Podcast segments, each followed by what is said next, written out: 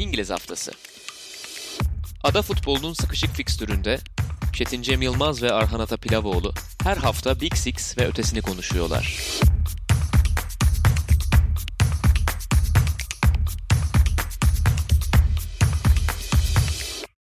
Herkese merhaba. Sokrates Podcast'in Premier Lig programı İngiliz haftasıyla karşınızdayız. Ben Çetin Cem Yılmaz, Arhan Ata Pilavoğlu'yla Premier Lig'in ilk haftasını değerlendireceğiz. Ee, iki tane Manchester takımının oynamadığı fakat yine de kısa olmasına rağmen heyecanlı bir haftaydı. Çok uzun süre beklememiştik Premier Lig için ama yine de beklediğimize değdi klişe tabirle onu da kullanmış olalım.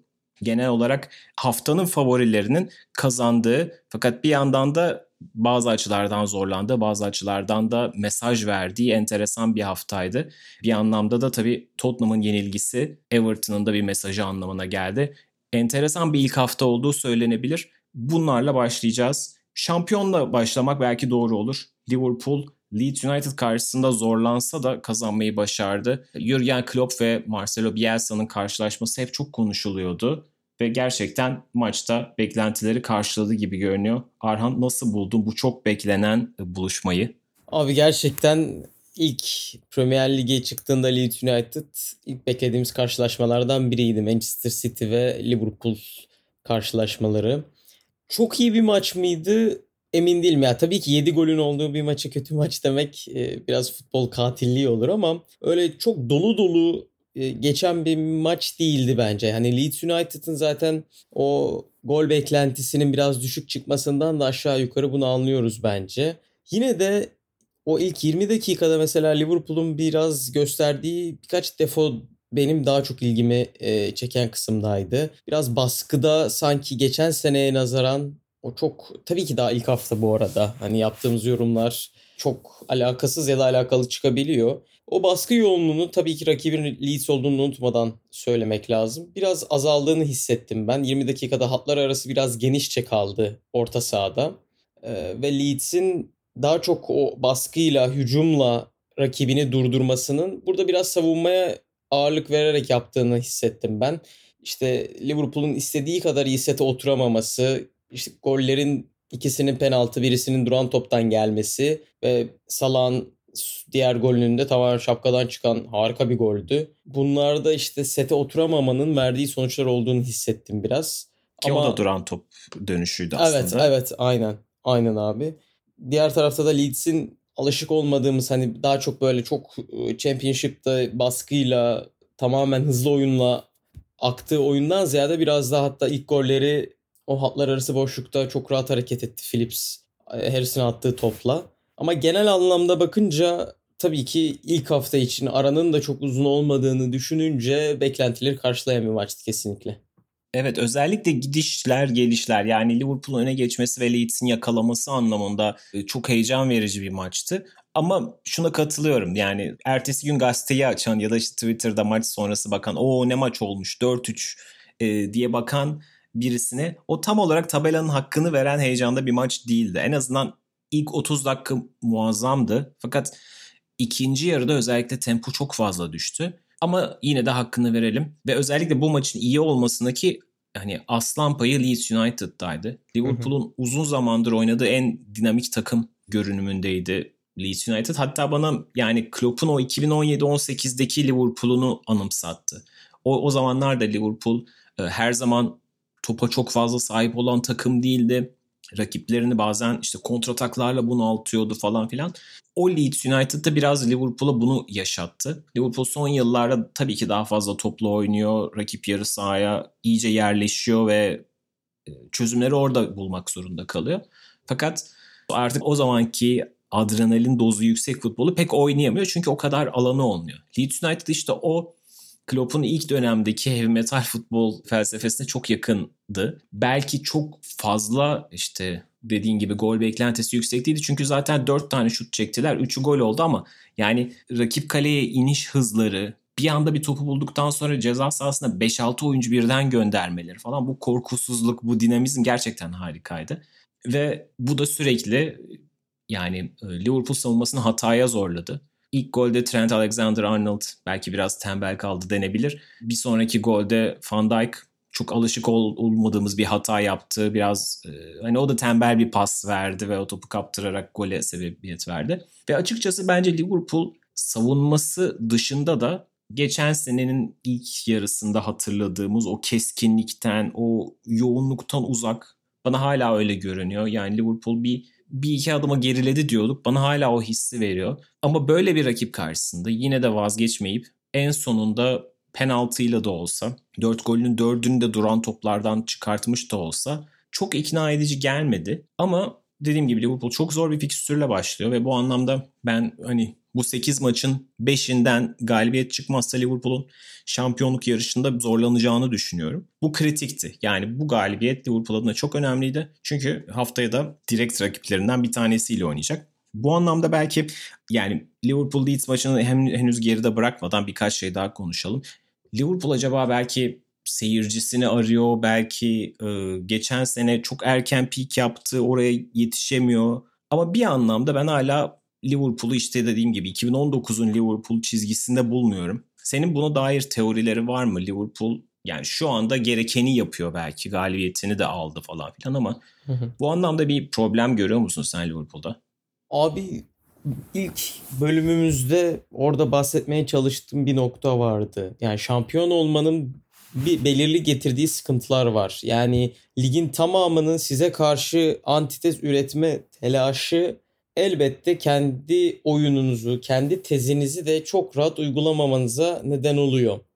Mesela Leeds'e karşı Liverpool %66 e, özür dilerim %76 ile pas isabetinde bulunmuş ki Liverpool'un ortalaması bu veride %85'lerde %84'lerde topa sahip olan bir takım sonuçta. %76'ya kadar inmesi aslında o bahsettiğim set oyununda yeteri kadar elinin güçlü olamaması, yeteri kadar elinin yoğun olamamasının da bir göstergesi gibi gözüküyor uzaktan bakınca. Ve dediğim gibi o teori konusuna da gelince pandemiyle birlikte zaten şampiyonluğu %95'e kadar kazanmış bir takımdan bahsediyoruz. Sonrasında da tamamen resmiye, resmiyete döküldükten sonra biraz işte rekor kırabilmek için oynamıştı Liverpool. Şampiyonlar Ligi'nde elen Şampiyonlar Ligi'nden elenmeyle birlikte de biraz ben o tutukluğun aranın da az olmasının getirisiyle devam ettiğini düşünüyorum. Ve ilk başta bahsettiğim tez antitez noktasında şu an için bence en önemli şey Liverpool adına bu ölüm fikstüründen bir şekilde dediğin gibi abi 5 ya da 6 maçı çıkartabilmek. Çünkü Chelsea sonrasında Arsenal var. Everton e, zaten bahsedeceğiz Everton'dan da gerçekten çok yoğun bir fikstür ve bu fikstürde kazanılacak her puan çok değerli. Ondan sonra yavaş yavaş takım iyiden iyiye haftalarla birbirine alıştı, e, birbirine alıştıkça oyun gücünü tekrardan sahaya yansıttığını görebiliriz. Bu yüzden bence Kasım'a kadar alabildiğince puan almak bu diğer liglerdeki diğer takımlar için de bence geçerli. Oyun gücünden önce puan kazanmayı ilke edinmek. Çünkü kısa bir arayla herkes lige döndü. Ondan önce zaten pandemi arası çok etkilemişti takımları fizik gücü, oyun gücü olarak. Şu an için herhalde özellikle büyük takımlar için ve özellikle spesifik olarak Liverpool için yoğun fikstüründe düşününce puan almak gibi duruyor. Evet söylediğin bu arada şey benim de dikkatimi çekmişti. Ee, Liverpool'un hem topa sahip olma konusunda da uzun zamandır özellikle kendi evi olan Anfield Road'da bu kadar geride kaldığını hatırlıyorum. İlk yarı bittiğinde Leeds United daha fazla pas yapmıştı ve daha fazla topa sahip olmuştu. Yani Liverpool çok uzun zamandır topla bu kadar az oynamamıştı. Bu az önce bahsettiğim iki sene önce Liverpool'un kontra tak ya da işte presle oynadığı oyunun benzeri bir topa sahip olmama oyunu da değildi enteresan şekilde. Leeds United sürekli Liverpool'un tekerine çomak soktu. Bu anlamda e, zor bir rakipti. Leeds United'da pek çok takıma hani mutlaka problem yaratacaktır. O yüzden bu hani bu puanlar belki çok değerli. Ama bu maç özelinde çok tatmin etmeyen bir şeyler bana da vardı gibi geldi. Belki de şu soruyu da sormak gerekiyor. Biraz şeytan avukatlığı gibi olacak ama bahsi kapatmadan önce. Geçen sene Liverpool farklı bir galibiyetle başlamıştı yine Norwich karşısında.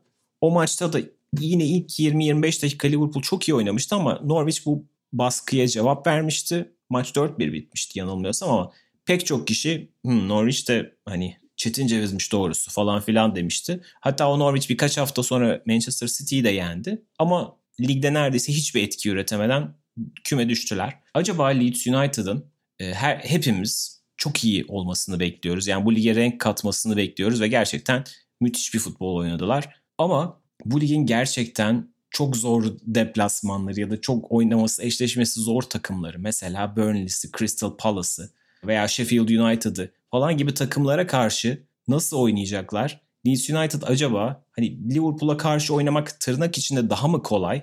Çünkü e, daha belli şablonları var. Ama gerçek testi bu olmayabilir mi? Sorusunu da bana sordurmadı değil. Bu konuda hiç bilmiyorum. Katılır mısın ya da sende bu şeyi izlenim uyandırdı mı Leeds United? Abi benim de aklıma ilk Norwich maçı geldi. Doğrusunu söylemek gerekirse. Ama Leeds United hakkında beni en çok etkileyen nokta maçta şu oldu. Yani 3 kere geri düşüp üçünde de bir takımı yakalamak ve bu takım Liverpool'sa bunu başarabilmek inanılmaz zor bir şey. Yani maçtan o şekilde kopmamak gerçekten bence Leeds adına en etkileyici noktaydı. Diğer taraftan ben de kesinlikle katılıyorum. Yani Marcelo Bielsa'nın büyük takımlara karşı geçen sene hatırlayacaksın abi Arsenal'la kupa maçında karşılaşmışlardı. Ve Arteta'nın göreve geldiği günden bu yana en az topla oynadığı maçtı. Ki Arteta ilk geldiği zaman gerçekten bir Guardiola kopyası gibi 165-70'lere çıkarmıştı Arsenal'ın topla oynama oranları. Ona rağmen 40'lara kadar inmişti o maçta. Bu yüzden ben Bielsa'nın özellikle büyük takımlara karşı çıkaracağı sınavların işte bu ne bileyim West Ham United, Brighton, Fulham gibi takımlara karşı çıkaracağı sınavlardan daha iyi olacağına inanıyorum ben de. Çünkü hem dediğin gibi bir oyun şablonunu çok daha iyi biliyor. Hem de mental açıdan bu tarz maçlara hazırlanmak özellikle ortaya sunabileceğiniz şeylerin sayısı fazlaysa çok daha kolay oluyor. Bu yüzden ben de Big Six Big Six'e karşı oynayacağı maçların biraz daha böyle dişli geçebileceğini düşünüyorum diğer takımlara karşı ama Norwich etkisi yaratır mı, etkisiz kalır mı diğer maçlarda ondan doğrusu çok emin değilim. Ama yani hep söylüyorum söz konusu Leeds United ve Marcelo Bielsa olunca hiçbir şeye şaşırmamak lazım.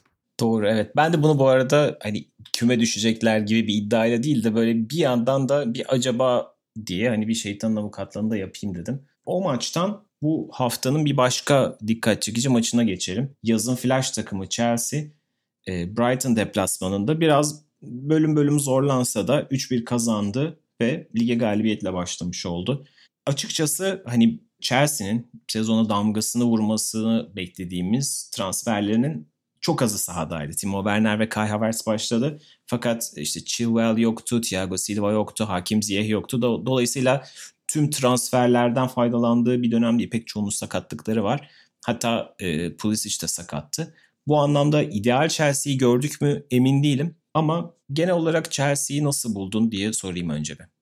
Abi ideal Chelsea'yi görmedik muhakkak. Ama orada ideal Chelsea'yi görmememize rağmen Werner'in en uçta olması, yedekte Giroud'un beklemesi beni şaşırttı. Geçen bölüm Giroud'un ben o kadar yedekte kalmayacağını düşündüğümü söylemiştim. Ama hani bu kadar eksik varken Werner'i en uçta konumlandırmak, baskıda yanına Loftus-Cheek'i çekmek demek ki Lampard'ın gerçekten Werner'i en uçta düşündüğünün biraz göstergesi gibi geldi bana. Ee, onun haricinde dediğim gibi baskıda bir 4-4-2 bunu geçen sene City'de çok fazla kurgulamıştı.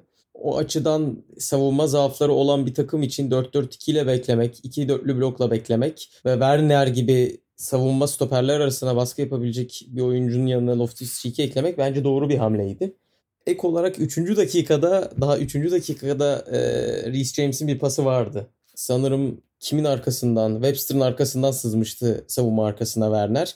Offside'da ama daha o dakikadan ne kadar tehlikeli bir oyuncunun oyuncu olabileceğini göstermesi bence Chelsea taraftarları için çok olumlu bir işaretti.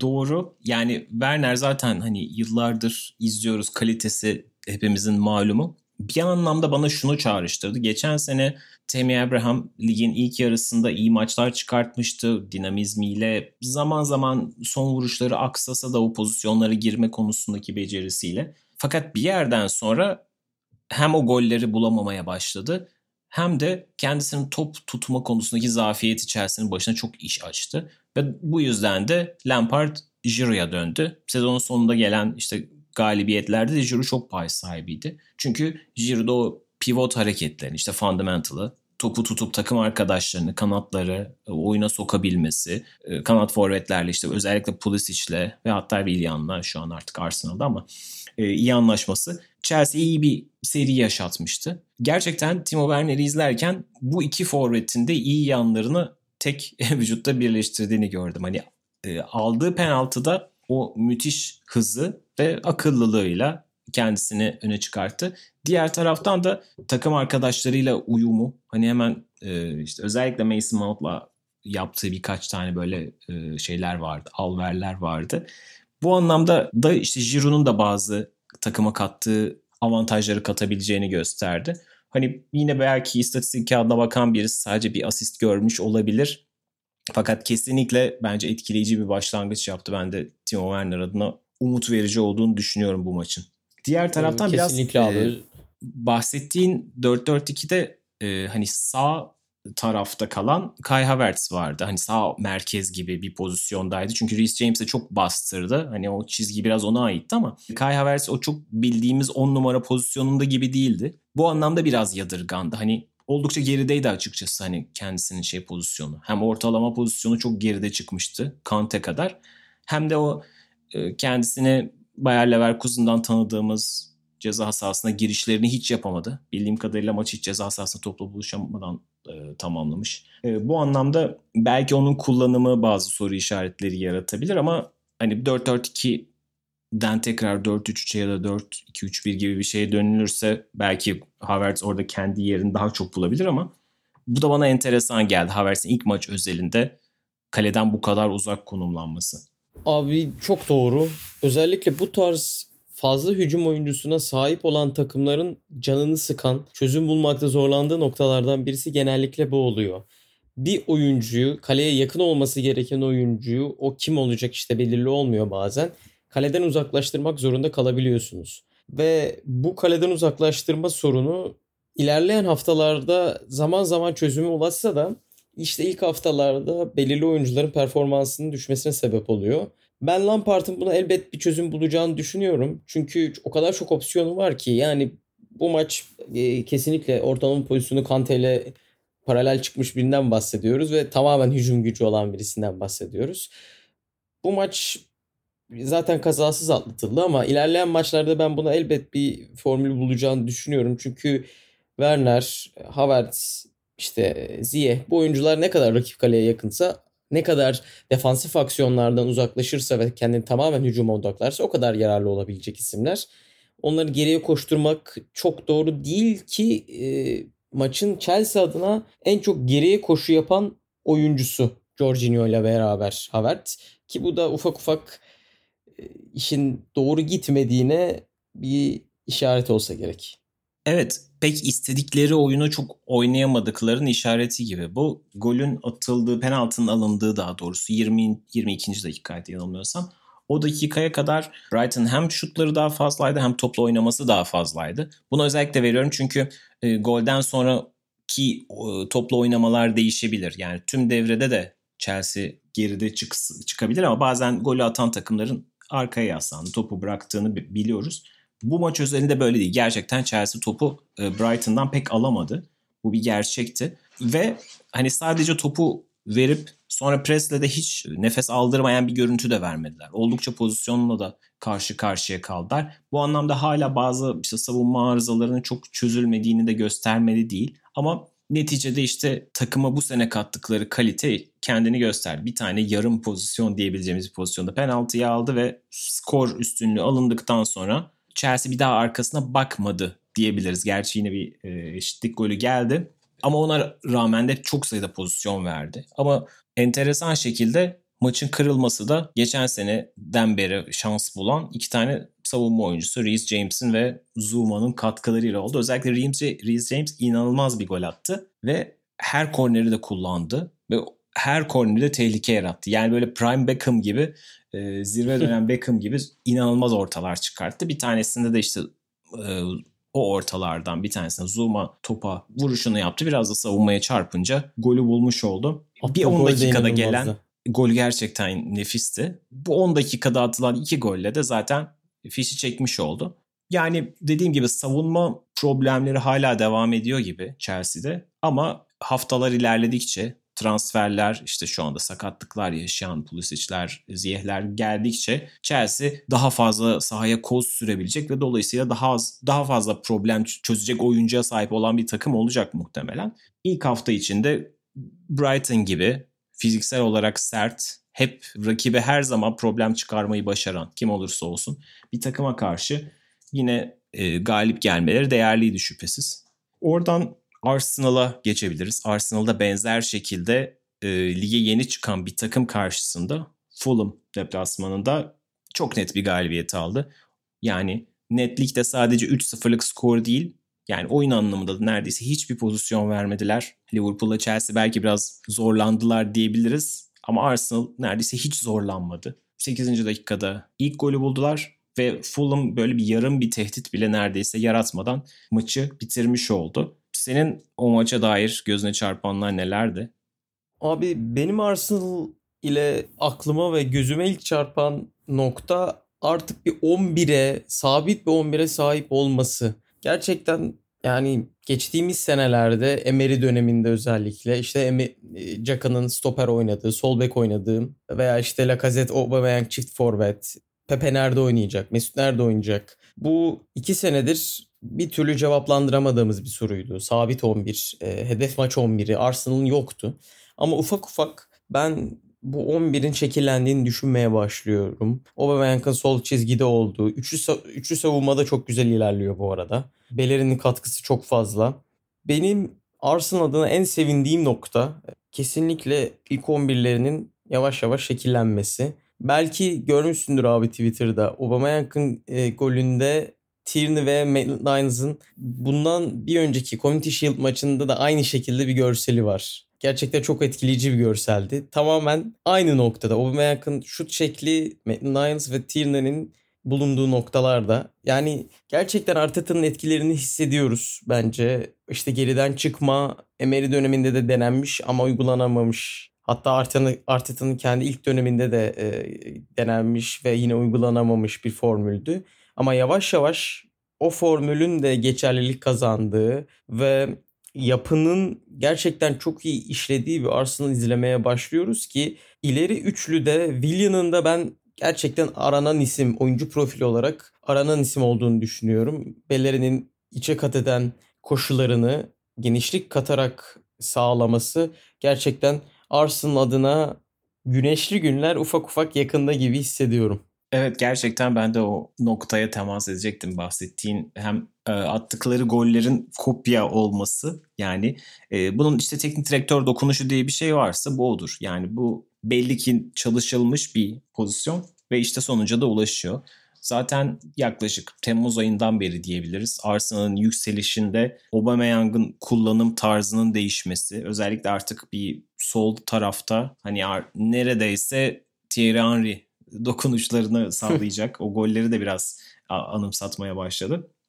Ve onun oradan kullanılması. Sol tarafın bahsettiğin gibi hem Maitland-Niles hem Tierney bir de üzerine Aubameyang'la beraber gerçekten overload edilmesi falan. Gerçekten çok e, değerli dokunuşlar var gibi Arsenal'da. Bir de enteresan gelen bir şey.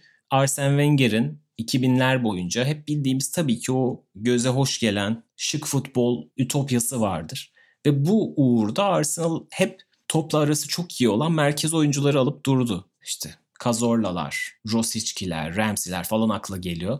E, tabii ki bunlar çok değerli oyunculardı. Arşavin falan. Ama bir yerden sonra bunlar aynı tip oyunculardı. Şu an ise Arsenal hani merkezi çok sert iki tane oyuncuya bırakmış durumda. Fakat kenarlarda çok maharetli oyuncularla beraber iş yapıyorlar ve o o derinlik gerçekten Arsenal için e, taze bir şey ve yıllardır da problem yaşadıkları göbek konusunda da ilk defa belki bu kadar sertler. Bu anlamda da heyecan verici ve enteresan bir detay var. Belki hani bu İngiliz basınının hafif bir şeyi de olabilir. Hani reach denen böyle çok e, ufak göstergelerden büyük anlamlar çıkarması ama bana da değerli geldi. Maçtan önce yedek oyuncular ısınırken Dani Ceballos ve Enketia arasında böyle bir tatsızlık var. Böyle hani ortada sıçan dediğimiz hareketleri yaparken bir ara geriliyorlar ve itiş kakış oluyor.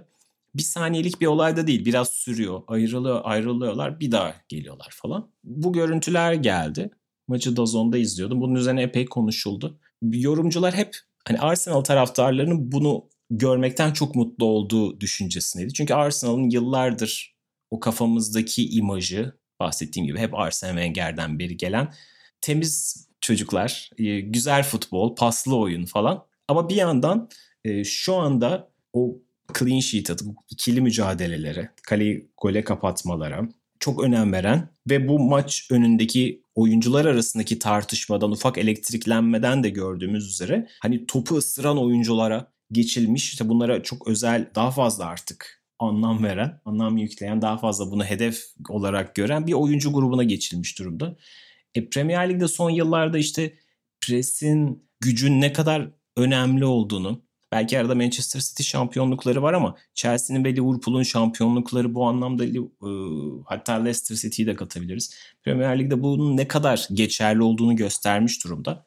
Ve Arsenal'da sanki o kimlik değişimiyle bence de evet güzel günleri gösterecek gibi taraftarına. Evet çok zayıf bir takım karşısındalardı. Yani Fulham Premier Lig ayarında görünmüyor hala. Zaman alacak gibi adapte olmaları. Bizim düşme adaylarımızdan da hatta. Ee, ve neredeyse hiç problem yaşatamadılar Arsenal'ı. Arsenal kalesini neredeyse hiç yoklayamadılar.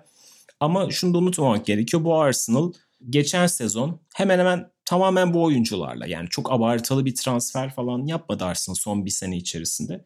Yine bu oyuncularla Watford'dan 25-30 şut yiyen bir takımdı. Dolayısıyla e, şu anki Fulham'ı sadece 5 şutta tutmaları ve bunların hani 4'ü ceza sahasının dışında çok uzak mesafe şutlar. Hiç böyle bir anlamlı bir pozisyonda değil. Bana çok değerli geldi. Arsenal'ın bu kabuk değiştirmesi, bahsettiğimiz Arteta dokunuşu etkileyici görünüyor. Var mı Arsenal'a dair söylemek istediğin başka bir şey yoksa diğer maçlarımıza geçelim mi? Aa, bir şey eklemek istedim. E, Enketya Sebeos kavgasından bahsettin. Geçen sene Yoris ve son kavga ettiğinde de tam Mourinho, Mourinho'luk bir açıklama yaparak harika bir kavgaydı. Tam istediğim şey zaten buydu diye bir açıklama yapmıştı ki zaten All or Nothing belgeselinde durmadan kötü çocuk olun, işte sert çocuklar olun diye bahsettiği bir ayrıntı var takımın soyunma odasında. Dediğin gibi bence de biraz daha bu takım içerisinde ateşlenmelerin olması fazla olmadığı müddetçe her zaman iyidir. Doğal sayılar. Programın bu noktasında İngiliz haftasında ufak bir bölümümüz olacak. Doğal sayılarda Arhan her hafta gözüne çarpan bir sayıdan bahsedecek. Bu haftanın sayısı da Tottenham Everton maçından çıktı. Malum daha ilk hafta olduğu için istatistikler hani bir eğilime dönmesi için daha çok erken bir dönemdeyiz ama benim gözüme çarpan istatistiklerden birisi James Rodriguez'in daha ilk maçında 5 kilit pasa imza atmasıydı. Ve bu istatistiği gördükten sonra benim aklıma birkaç soru daha canlandı. Özellikle maçı da izleyince. Yani Tottenham'ın orta sahası ve Everton'ın orta sahası arasında durmadan git gel yaşadım oyuncu kalitesi farkı açısından. Alan'ı izledikten sonra, Hames'i izledikten sonra hatta Dukure'nin de e, kattıklarından sonra gerçekten Ancelotti'nin ve Everton'ın can sıkabileceğini düşünüyorum bu Big Six adayları içerisinde. Evet kesinlikle bu haftanın en dikkate değer performanslarından bir tanesiydi James Rodriguez. Yani Everton'ın çok uzun zamandır böyle bir oyuncuya ihtiyacı vardı. Bahsettiğim gibi aslında yaptıkları 3 transferde çok nokta atışı olmuş. Hem Alan hem Dokure hem James Rodriguez. Ama e, Alan inanılmaz iyiydi bu arada. Hı hı. Yani yanlarında zaten işte Dokure ile Gomez'le beraber çok iyi bir üçlü oldular ama tek başına da yani orayı kotaracak kadar çok e, dinamikti. E, James Rodriguez belki çok alışık olmadığı ya da çok ideal pozisyon olmayan hani sağ dışta gibiydi ama o içeri kıvrılmaları falan da çok yaptı. Yani aslında tek başına bir blok bile sayılabilir. Belki kağıt üzerinde bu takım 4-3-3 gibi görünüyordu ama belki bir yandan da asimetrik bir 4-3-1-2 gibiydi ki geçen programda da konuştuğumuz Everton'ın son senelerde en büyük problemini çektiği şey o katı 4-4-2 ve bloklar arasında bir türlü sızamayan dizilişleriydi. Çünkü bunu yapacak o geçişleri sağlayacak, pozisyonlar arası iki pozisyonun da özelliklerini sağlayacak oyuncu sayıları çok azdı. İşte bunu mesela Sigurdsson'la falan gerçekleştirmeye çalışıyorlardı ama o da tavanı belli olan bir oyuncu. İlk defa hani A kalite bir 10 numaraya sahip olmanın ne getirebileceğini gösterdiler belki de. Ve sadece attığı paslar değil e, işte pas araları, oyunu açışları sadece şuta dönüşen paslar da değil. Bir anda oyunun yönünü değiştirmesi, yerden attığı sert paslar, dribblingleri bir tane çok kritik içeri kesip içeri topu çevirip attığı şut vardı. Yani skora değen bir katkısı olmadı belki bu maç özelinde. Fakat önümüzdeki haftalarda mutlaka Everton adına maç alabilecek bir oyuncu olduğunu gösterdi. Everton'ın dediğim gibi yıllardır aradığı oyuncuydu yani James Rodriguez. Hı hı.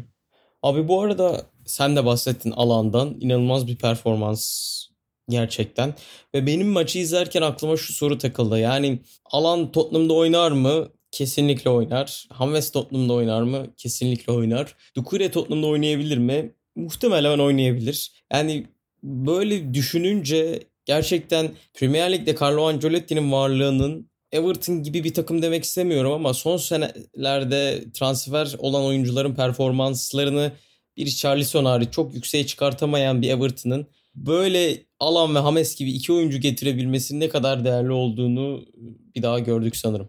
Evet kesinlikle doğru ve dediğin gibi zaten devrede de Delali değişikliğiyle yani o bölgede zaten Everton maçı kazandı ki bir türlü Tottenham diş geçiremiyordu. O tarafta artık pres gücünü yükseltmek için çünkü Harry Winks ve Hoiberg gerçekten hani yetişemediler o üçlüye ve o araları müthiş işledi tüm hı hı. bu bahsettiğimiz üçlüyle Everton gerçekten çok problem yarattı. Senin az önce söylediğin şey evet benim de tam Arsenal'daki tırnak içinde kavgayı gördüğümde benim de aklıma All or Nothing'deki o cümleler geldi. Çünkü belgeseli izlemeyenler de varsa kısaca anlatalım.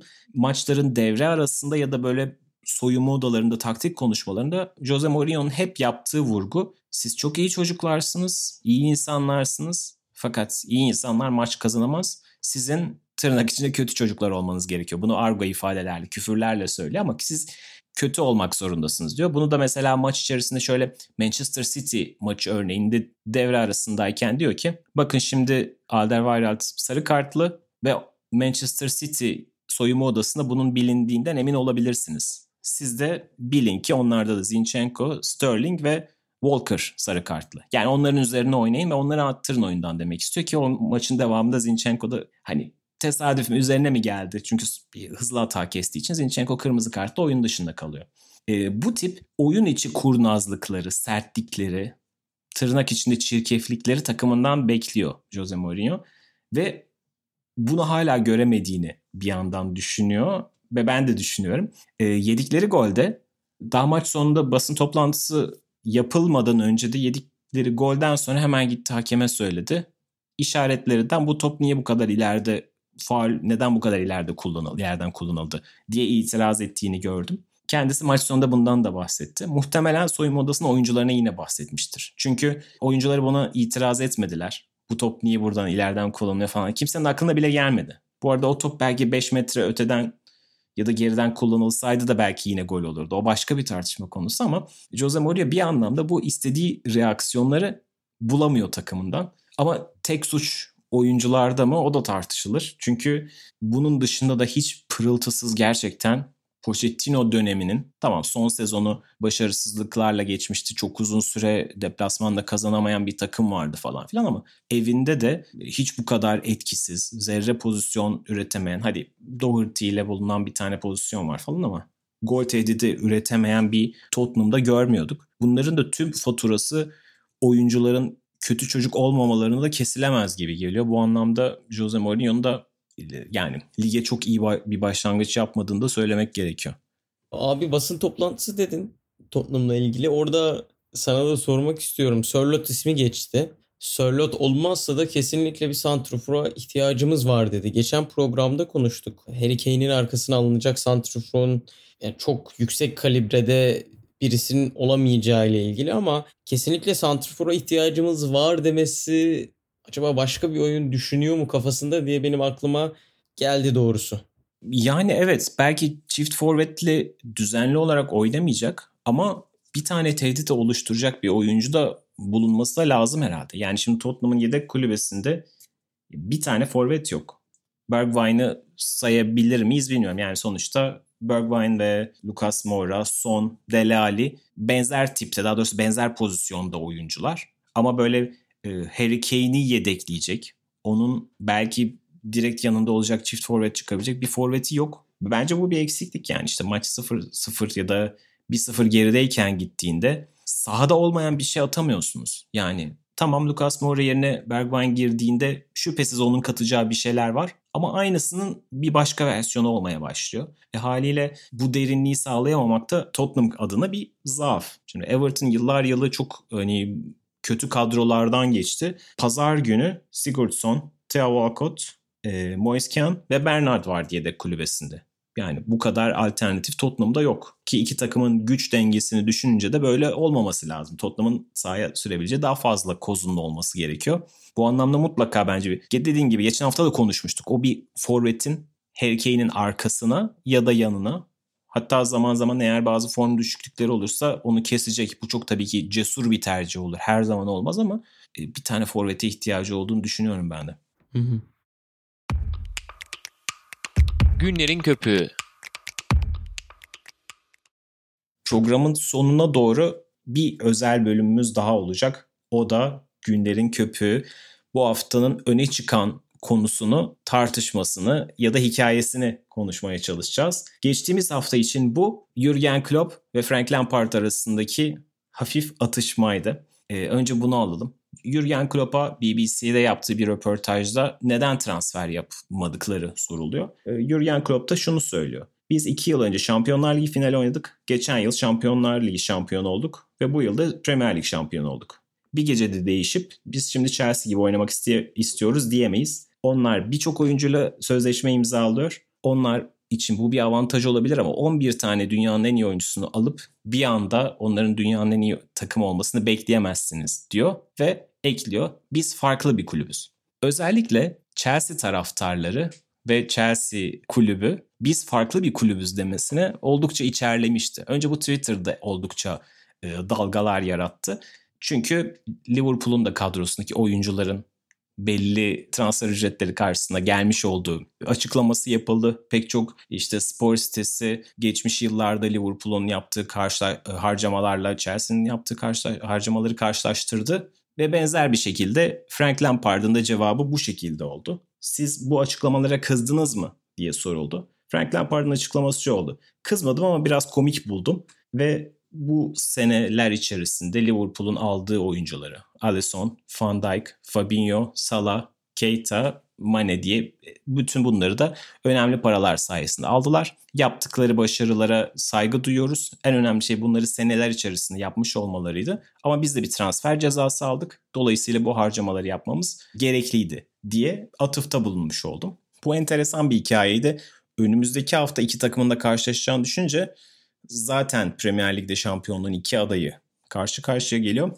Bir tane daha anlatı e, çıkmış oldu. Şüphesiz ki biz farklı bir kulübüz denmiş olması diğer takım taraftarlarında aslında biraz reaksiyon yarattı. Fakat burada farklı takımdan kastettiği Liverpool'un farklılığının aslında nasıl diyebiliriz objektif olarak bir farklılık oldu. Yani e, Liverpool gerçekten alım satım dengesini daha çok gözetiyor. Çünkü maddi olarak kulübün sahibi olan e, Fenway Sports Group daha gelir giderine daha fazla dikkat eden ve futboldan para kaybetmeyi istemeyen bir grup. Bu anlamda kulübe transfer bütçesi vermiyor. Çünkü bu yaz Liverpool bir oyuncu satmadan alamayacağı düşüncesinde. Çünkü şu anda e, önde beklenen bir global ekonomik kriz var e, bu yüzden de Klopp'un eli kolu bağlı ve mikrofonlara konuştuğunda bu kulübün bu kararını destekliyor. Bu biz farklı bir kulübüz dendiğinde diğer tara- takım taraftarlarının anladığı ise biraz diğer takımların şampiyonluğu satın aldığı,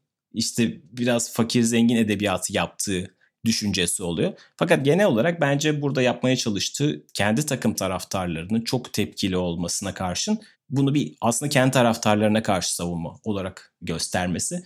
Fakat bu senenin bu anlamda enteresan anlatılarından bir tanesi olacak. Liverpool'un hiç şamp- e, transfer yapmamış olması ve Chelsea'nin yaklaşık 230 milyon poundluk bir transfer bütçesiyle yeni sezona giriyor olması.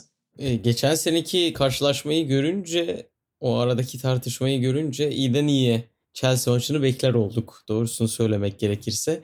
Bence bu noktada Klopp'un dediği aslında yanlış bir şey değil. Gerçekten arada bir e, ekonomik farklılık var. Ama bu global dönemde, bu global krizin olduğu dönemde, pandeminin vurduğu dönemde Chelsea'nin diğer kulüplerden daha fazla harcaması Chelsea'nin ekonomik bağımsızlığından ya da ekonomik gücünün çok fazla olmasından bence çok kaynaklanmıyor. Oradaki transfer yasağı Frank Lampard'ın bahsettiği bu işi biraz daha kolaylaştırdı sanki. Yoksa e, mesela Paris Saint Germain de Manchester City de Chelsea gibi ekonomik bağımsızlığı çok yüksek kulüpler. Ama onlar da transfer döneminde çok fazla sert davranmadı. Çok yoğun bir şekilde istedikleri oyunculara saldırmadı. Çünkü bence onların sahipleri de ne olursa olsun bu pandemi arasının iyi gelmediğinin farkında. O yüzden Chelsea'nin o transfer dönemindeki beklemesi bir seneyi bu transferlerin yani sonuçta hatırlıyoruz Ocak'ta Frank Lampard'ın stoper istemesine, savunmacı istemesine rağmen bir türlü gelmemişti. Böyle bir tasarrufta bulundular ve bu tasarrufun sonuçları da işte çok yoğun bir transfer döneminin geçmesine ve diğer kulüplere nazaran sanki nereden geliyor bu para dedirtmesine neden oldu ama dediğim gibi bence bu Chelsea'nin oradaki o zamanki dezavantajının şimdi avantaja dönüşmesi. Evet bu tarafında doğru e, akıllarda tutmak gerekiyor. Çünkü Chelsea'de bir seneyi transfersiz geçirdi ve bir yerde de arayı kapatmaları gerekiyor. Bu yılın anlatılarından bir tanesi de şüphesiz Chelsea'nin yaptığı transferler. Liverpool'un geçen seneki çizgisini koruyup koruyamaması olacak ki iki takım da bu hafta karşılaşıyorlar. Gerçekten sabırsızlıkla beklediğimiz bir karşılaşma. Ligin ikinci haftasında pazar günü oynanacak Chelsea-Liverpool maçı haftanın maçı olarak göze çarpıyor. Cumartesi günü de Manchester United sezonu açıyor. Crystal Palace karşısında Arsenal West Ham'ı konuk edecek. Everton West Bromwich ile oynayacak. Haftanın diğer öne çıkan maçlarından bir tanesinde de Manchester City pazartesi akşamı Wolverhampton'a konuk olacak. Geçen sene kendisine çok sorun çıkartan Wolverhampton'a karşı bakalım Pep Guardiola'nın öğrencileri ne yapacaklar. Dinlediğiniz için teşekkürler diyelim. Haftaya tekrar görüşmek üzere. Hoşçakalın diyelim. Hoşçakalın.